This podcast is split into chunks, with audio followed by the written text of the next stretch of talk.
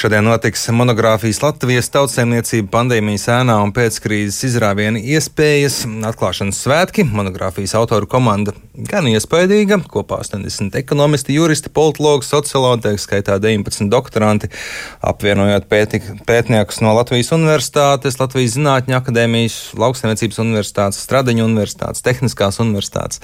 Monogrāfijā ir Analizētas pandēmijas krīzes ekonomiskās sekas Latvijai, novērtēta valsts atbalsta efektivitāte, runāts par inovāciju un digitālās transformācijas, vitālu nepieciešamību un meklēt veidi, kā veicināt tautsemniecības izrāvienu pēc krīzes un kādām struktūrālām izmaiņām Latvijas tautsēmniecībā būtu jānotiek, lai tās būtu pēc iespējas veiksmīgākas. Un no plašā līdzautora loka šorīt pie mums studijā Eiropas komisijas priekšētājs izpildu vietnieks, bijušais Latvijas premjerministrs Valdis Dombrovskis. Labrīt! Labrīt!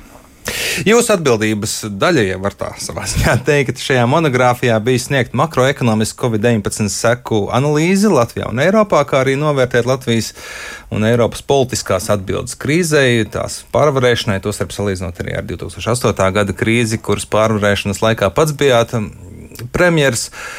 Covid-19 un 2008. 2008. gada krīze un sekas ekonomiski vispār ir salīdzināmas. Ne, nu, eh, ekonomiski eh, eh, gan viena, gan otra bija nopietna krīze. Tā kā, no tā, tāda viedokļa, protams, kaut kādas salīdzinājumus var veikt, bet jāatzīst, ka 2008. gada krīzes un Covid krīzes nu, raksturs diezgan būtiski atšķirās. Faktiski 2008. gada krīze Latvijā bija saistībā ar globālo finanšu ekonomisko krīzi un ar ļoti lielu ekonomisko nesabalansētību pirms krīzes periodā. Savukārt, pašreiz nu, nekādas tādas īpašas nesabalansētības ekonomikā nebija, un faktiski šis Covid-19 nāca kā ārējs šoks, un krīze lielā mērā noteica šie pandēmijas pārvarēšanai nepieciešamie ierobežojušie pasākumi. Un, līdz ar to arī var redzēt, ka nu, tautsājumā lauksaimniecība eh, atkopjās lielā mērā eh, tad, kad šie pasākumi ierobežošie tiek pakāpeniski eh, mazināti un nu, pilnībā, pilnībā atcelti. Tas, nu, ko mēs uzsveram arī šajā skatoties arī uz eh, citiem autoriem šajā eh, monogrāfijā, ir eh, nepieciešamība tātad izmantot šo ļoti apjomīgo fiskālo stimulu, kas pašreiz tiek piešķirts ekonomikai, ne tikai krīzes pārvarēšanai un, nu, kā saka, atjaunot ekonomiku pirmskrīzes līmenī. Un jāsaka, Latvijas ekonomika, tātad IKP līmenis jau tagad ir sasniedzis pirmskrīzes līmeni, bet izmantot šos līdzekļus arī, lai veicinātu ekonomiku ekonomikas noturību un veicināt ekonomikas zaļo un digitālo transformāciju. Un faktiski arī eh, monogrāfijā lielā mērā eh, tieši šiem jautājumiem tiek pievērsta uzmanība. Jā, mēs arī intervijas gaitā pievērsīsim tiem uzmanību, bet eh, var teikt, ka 2008. krīze tika iznesta teikt, uz Latvijas iedzīvotāju pleciem, uz tādu jostu savilkšanu, bet tagad valdībai lēmumi nav jāpieņem tik nepopulāri un ir vieglāk? Nu, uh skaidrs, ka šī pamatā ir e, sanitārā e, krīze, līdz ar to ļoti liela e, uzmanība ir jāpievērš tieši šiem veselības aprūpas jautājumiem. 2008. krīzes pamatā tomēr bija ekonomiskā krīze. Nu, te mēs redzam, faktiski salīdzinot šīs divas krīzes, šo jautājumu par to, ka ir nepieciešama arī atbildīga fiskālā un makroekonomiskā politika ekonomikas izaugsmas laikā. Ja mēs skatāmies piemēram uz 2009. gadu, kas bija nu, iepriekšējās krīzes zemākais punkts, tad pat pēc apjomīgiem fiskālās konsolidācijas pasākumiem budžeta deficīts bija gandrīz 10% no IKP. Eh, savukārt, Restīvi, eh, fiskālo disciplīnu piespieda apstākļi ievērot paši par sevi. Nu, savādāk būtu pavisam slikti. Nu, Latvijai jau tajā laikā nebija vispār pieeja finanšu tirgiem, nebija iespēja aizņemties. Tātad, faktiski līdzekļus, ko mēs varējām aizņemties, lai nosaktu šo 10% deficītu, tie bija līdzekļi, ko mēs varējām aizņemties no Starptautiskā valūtas fonda, Eiropas komisijas, tātad no starptautiskiem kreditoriem. Pašreiz tieši tā, bet es vienkārši tāpēc arī veicu šo salīdzinājumu. Ja 2009. gadā pēc apjomīgas konsolidācijas deficīts bija 10% no IKP. Pagājušajā gadā pēc apjomīgiem ekonomikas stimulēšanas pasākumiem deficīts bija, ja nemaldos, ap 7,5% no IKP.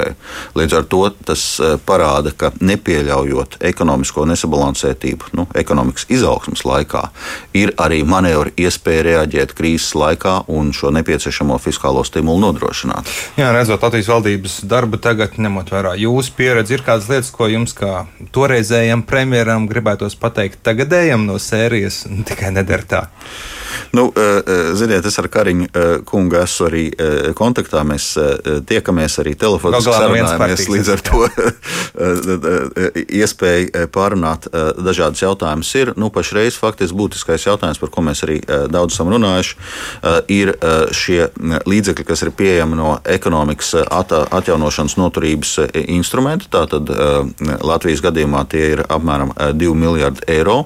Un kopumā, ja mēs pieskaitām nākamo daudzgadu budžetu, tad ir eh, Latvijai pieejama apmēram 10 miljardi eiro. Līdz ar to pašreiz ir ļoti svarīgi eh, šos līdzekļus eh, tiešām izmantot tā, lai tie veicinātu ekonomikas noturību, lai tie veicinātu ekonomikas produktivitātes kāpumu un ekonomikas izaugsmu ilgtermiņā. Jā, Latvijas plāns runājot par šiem desmit miljardiem un diviem miljardiem. Liels akcents ir uz infrastruktūru. Kā to vērtējat? Tas ir tā zelta atslēga, kas pacels Latvijas ekonomiku jaunā līmenī. Nu, infrastruktūras jautājumi neapšaubām ir svarīgi. Un, ja mēs salīdzinām arī nu, dažādu valstu plānus, protams, ir valsts, kurā, nu, kurās infrastruktūras problēmas vēl aizvien ir pietiekami aktuālas un tās ir jārisina. Bet tajā pašā laikā ir ļoti svarīgi arī šie šie e, inovāciju jautājumi un e, kopumā, e, kopumā ekonomikas produktivitātes kāpināšanas jautājumi. Šiem jautājumiem, protams, arī jāpievērš liela uzmanība. Un, nu, arī Latvijas plānā tie tomēr ir pietiekami labi atspoguļoti. Un, visiem plāniem bija prasība, ka vismaz 37% no līdzekļiem jānovirza ekonomikas eh, zaļai transformācijai un vismaz 20% eh, digitālajai transformācijai. Arī nu, eh, Latvijas plānā šie nu, uzstādījumi ir izpildīti. Jā, viens ir izpildīt uh, uz papīra plānā šos uh, kritērijus. Kā jūs redzat ar tām mm, Latvijas gatavību šīs iespējas arī reāli izmantot? Nē, nu, uh, pašreiz tieši tā plāns ir pieņemts un arī apstiprināts. Līdz ar to pašreiz ir vienkārši jāķerās pie šī plāna praktiskās īstenošanas. Un te, protams, ir um, nu, tā specifika tāda, ka atšķirībā no Eiropas Savienības fondiem, kur nu, faktiski ir pietiekami ilgs periods šo līdzekļu izmantošanai, izmantošanai un ieguldīšanai. Eh, šis ir laikā eh, limitēts eh, plāns, kur visi līdzekļi ir jāizlieto līdz 2026. gada beigām, un faktiski nu, visi, visas saistības jāuzņemās līdz 2024. gada beigām. Līdz ar to tas ir nu, arī pietiekami saspiests laikrāms, ja mēs runājam par apjomīgiem infrastruktūras projektiem, ja mēs runājam arī par šiem inovāciju atbalsta projektiem. Līdz ar to nu, svarīgi ir nekavēties un ķerties klāt pie praktiskās īstenošanas īstenošanas. Jūs redzat, ka tas notiek? Nu, pašreiz tas, šis darbs ir sācies. Nu, svarīgi ir uzturēt augstu tempu. Struktūrālās reformas ir iespējams vēl veikt, kas uh, palīdzētu mums šajos jautājumos. Jūs varbūt redzat, ka, kas, kas būtu jādara jāmaina. Uh, jā, nu, ja runājam par šīm uh, struktūrālajām reformām, tad mm, Latvijas šajā plānā, tāpat kā citos plānos, ir gan investīcijas, gan reformas. Un tāds bija tieši arī ekonomikas atjaunošanas noturības instruments un šīs nu, instrumentu uzstādījums.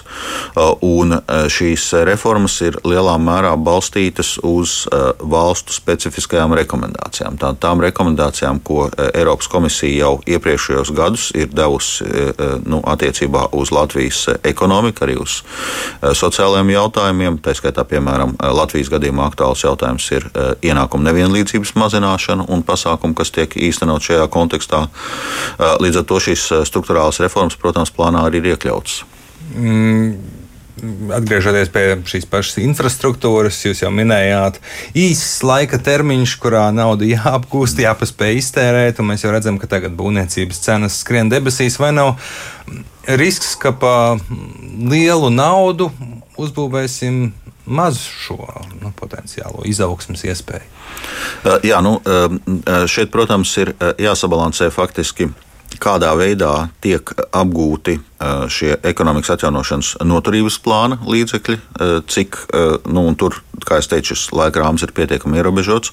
Un, kā, un kādā veidā tiek apgūti šie daudzgadu budžeta līdzekļi, šie paši nu, klasiskie Eiropas Savienības fondi. Un tur ir iespēja, protams, nu, faktiski radīt tādu zināmu novirzi, lai neveidojas nu, tāds tiešām ļoti liels finansējuma pīķis atsevišķos gados, kad tie tiešām ir risks, ja būvniecības kapacitātes nepietiek, kad tas vienkārši var aiziet iet eh, sadārdzinājumos. Tas eh, nu, eh, noteikti ir jāskatās, kā to novērst. Jā, jūs lieliski pārzināt Latvijas politikas realitāti un ka dažkārt apgūstot Eiropas fonda naudas nevienmēr um, viss ir skaisti. Un, godīgi redzat, ka arī šobrīd ir tādi riski Nē, nu, attiecībā uz Eiropas Savienības fondiem un arī attiecībā uz šo ekonomikas atjaunošanas noturības instrumentu ir noteiktas nu, stingras kontrolas sistēmas. Gan teiksim, Eiropas komisija seko, lai pašās dalību valstīs būtu šīs kontrolas audita sistēmas un tās darbotos, gan nepieciešamības gadījumā tiek īstenota kontrola arī no Eiropas Savienības institūciju puses. Līdz ar to es gribētu teikt, ka Eiropas institūcijas kādā brīdī paprasa atpakaļ naudu, jo mēs esam ne tā iztērējuši? Nu, šādi gadījumi ir bijuši. Un, tas ir arī iemesls, kāpēc nu, tradicionāli gan Latvija, gan daudzas citas valstis Eiropas Savienības fondus plāno nedaudz virs pieejamā apjoma. Līdz ar to, ja parādās nu, šādas situācijas, ka kaut kādi līdzekļi ir jāatmaksā atpakaļ un šos projektus nevar gala rezultātā nofinansēt no Eiropas Savienības fondiem, lai šie fondi gala rezultātā neietu zudumā. Līdz ar to kopumā tiek nofinansēts nedaudz lielāks projektu apjoms nekā ir pieejamais finansējums. Līdz ar to, ja kādā projektā arī parādās problēmas, tomēr aizvien var visus Eiropas Savienības fondu līdzekļus apgūt. Tā ir pieeja, ko īsteno Latvija un ko īsteno arī daudz citas valsts. Latvijas konkurētspēja salīdzinot ar citiem mūsu Eiropas Savienības konkurentiem, partneriem pieaugs. Uh, nu, uh, tāds ir uh, tieši plāna uzstādījums. Nu, jebkurā gadījumā, arī ja mēs runājam par e, Eiropas Savienības fondu līdzekļiem, šo fondu mērķis ir tieši mazināt ekonomiskās attīstības nevienlīdzību starp Eiropas Savienības dalību valstīm. Mēs redzam, ka Vācija tāpat tērēs visvairāk un visvairāk atgūsies. Nu, te gan ir jāatzīmē, ka līdzīgi kā Eiropas Savienības fondi, arī šis ekonomikas atjaunošanas noturības eh, instruments.